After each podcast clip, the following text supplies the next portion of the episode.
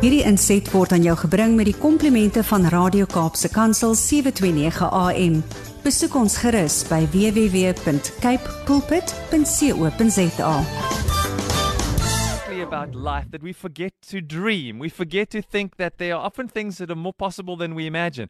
We can't do it. It's expensive. You know, the kids are at school, where we're going to go and what we're going to do. And not only about holidays, I think this is true for a lot of things in life, where you might live or what exciting thing you might do, what adventure you might go on, or starting a business or, or chasing your dream of something you've always wanted to do. I think we become so logically minded about life and everything looks like we have to be able to see it in black and white or it makes no sense to us. We forget to dream. And often when we start to dream and just let ourselves imagine what could be possible if we start to unlock certain things, then we find out things are not as impossible as we imagine. Here's a man who I think lives like this every single day. His name is Yanni Pitter. He's a mental coach, author, and motivational speaker. It's all about helping people to really enjoy this adventure called life. Môre Jannie, ons weet jy droom oor groot dinge en daai drome word waar. Ja. Uh, ek dink baie mense het drome Bradley, maar um, om 'n droom te leef beteken jy moet aksie bysit vir daai droom. Hmm. Ehm um, en ek dink een van die seker die belangrikste ding wat ek in my lewe geleer het baie jare gelede is as ek nie my droom op papier kan neerskryf nie dan beteken dit dit bly net in my kop. Dit dit, dit bly net 'n hoop. Dit ja. dit sal net in my kop raaksteek, maar daar gaan geen aksie want die eerste ding wat 'n mens moet doen, die oomblik wanneer jy droom het, is skryf dit neer. Mm -hmm. Die oomblik wanneer jy dit neerskryf, dan dan dan onmiddellik is daar 'n ek noem dit amper 'n self accountability. Jy is selfverantwoordelik. Want ek het dit nou neergeskryf en dan begin jy dit deel met ander mense. Jy kan nie jou drome deel met enige iemand nie want daar's baie mense wat droomstelers is. Mm. Nou 'n droomsteler is iemand wat vir jou sê, maar dit wat jy droom is onmoontlik. Ehm um, en die interessante ding Bradley is daar soveel mense in hierdie wêreld wat op hierdie oomblik doen wat ander mense sê onmoontlik is om te doen. Ja. So dit is 'n fascinerende onderwerp hierdie oor drome en mm. nou terwyl jy praat kom dit vir my ook op ehm um, dat die oomblik wanneer 'n mens 'n hoop verloor, wanneer jy jou hoop verloor. Nou as ek nou sê 'n droom, ons hoop kan gebeur. Hmm. En uh ek het eendag hierdie stelling gemaak en dit is vir my baie baie baie belangrik dat mense sal luister nou dat die meeste mense se drome word gekamoufleer agter grappies.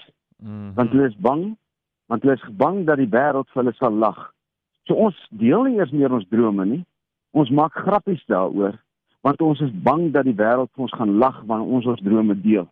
Wow. Nou wil ek vra wat dink julle het ge gebeur toe NASA hier in die 60 en 1950 60 gesê het ons gaan 'n man op die maan sit. Mm -hmm. Die hele wêreld het vir hulle gelag. Hulle het gesê dis impossible. Dis onmoontlik. Julle kan nie. Maar daar was 'n paar mense wat dit gesê het, geskryf het, neergesit het op papier en gesê het dis ons missie. En ons sal nie stop met hierdie missie voordat ons daai ding gekry het nie. En toevallig het ek so ruk terug die voorreg gehad om deel te wees van 'n 'n werksessie waar ons met twee van die ehm um, astronauts, ehm um, ruimtevaarders gepraat het wat ja. by NASA werk. Sure. Ehm um, so ons het met hulle 'n lewendige sessie gehad en dit gaan oor wat is NASA se standpunt, wat is NASA se siening? En hulle sê altyd um, never ending innovation. Daar's hmm. dit kan nooit ophou om te innoveer nie, te dink nie. So die mindset vir hierdie week is nou 'n interessante ding.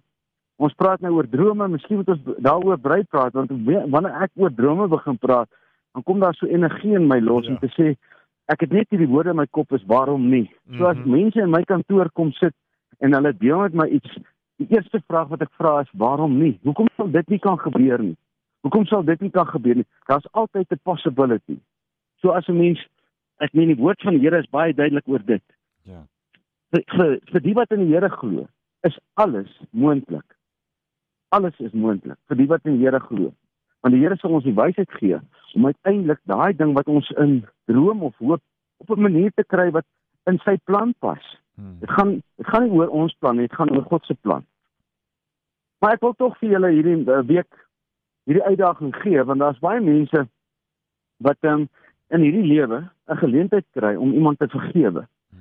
Maar jy gaan en en ek ek ek het al hoeveel keer in my eie lewe daar in daai selfde posisie gestaan waar jy soveel hartseer opgebou het.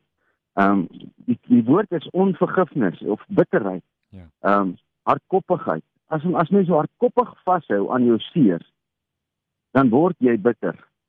En daar's baie mense wat seer gekry het deur ander mense. Ek meen die hele wêreld is vol van mense wat seer gemaak is deur ander mense. Nou as jy hardkoppig vashou aan jou seer en weier om te vergewe, want jy is hardkoppig, jy sê daai persoon het nie na my toe gekom of daai persoon het nog nie vir my om vergifnis kom vra nie. Dan word 'n mens 'n bitter mens. En ek wil vandag eintlik net vir die mense en hierdie wat wat luister vanoggend en praat en wat na hierdie ehm um, woorde gaan luister een of ander tyd, maak nie saak wanneer dit is nie. Veel vra, is jy dalk te hardkoppig om God se vergifnis in jou lewe raak te sien? En in so 'n mate dat jy nie kan vry word om ander te kan vergewe nie, want jy self staan self skuldig vir al die gemors wat ons elke dag aanvang. So die woord wat ek gevra is, is jy dalk te hardkoppig om vry te wees?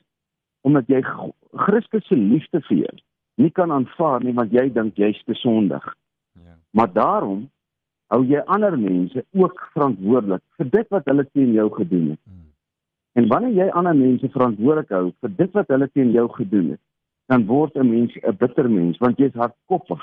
Sien nou jou man kom na jou toe en hy sê vir jou vergewe my. Nou ja, ek weet daar's baie mans wat kom sê vergewe my, ek sal nie weer drink nie. Môre aand is hy weer gesuip dan kom oormôre kom hy weer en sê ek sal nie weer drink nie en ek gaan nie in in daai beloftes word later leë beloftes.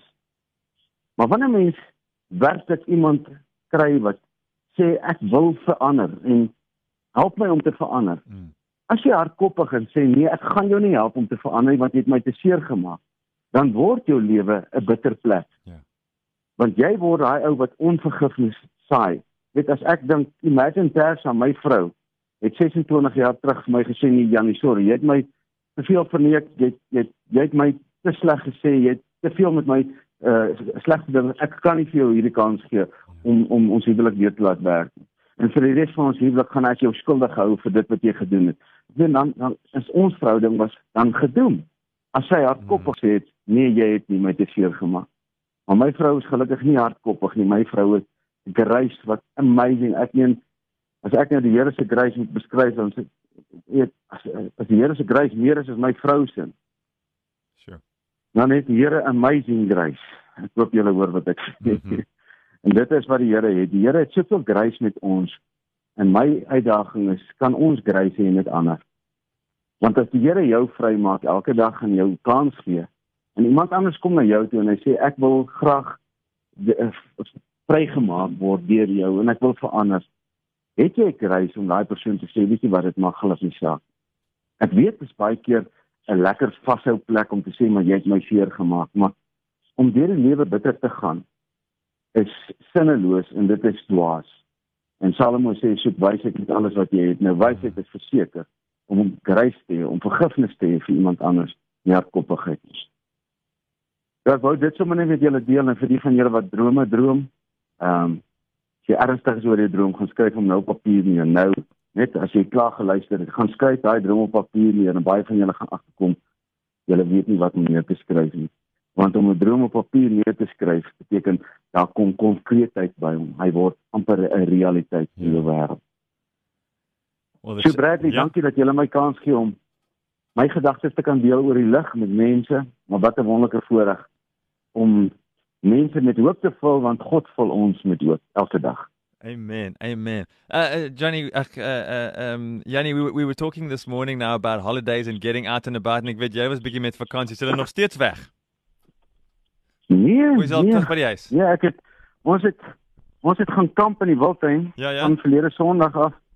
Ehm um, maar toe moet ek terugry want ek ek het die naweek in Lichtenburg gaan werk met 'n groep graad 11. Nice. En hulle ouers en onderwysers by skool en dit was fenomenaal geweest. So ek is stok en blok vol.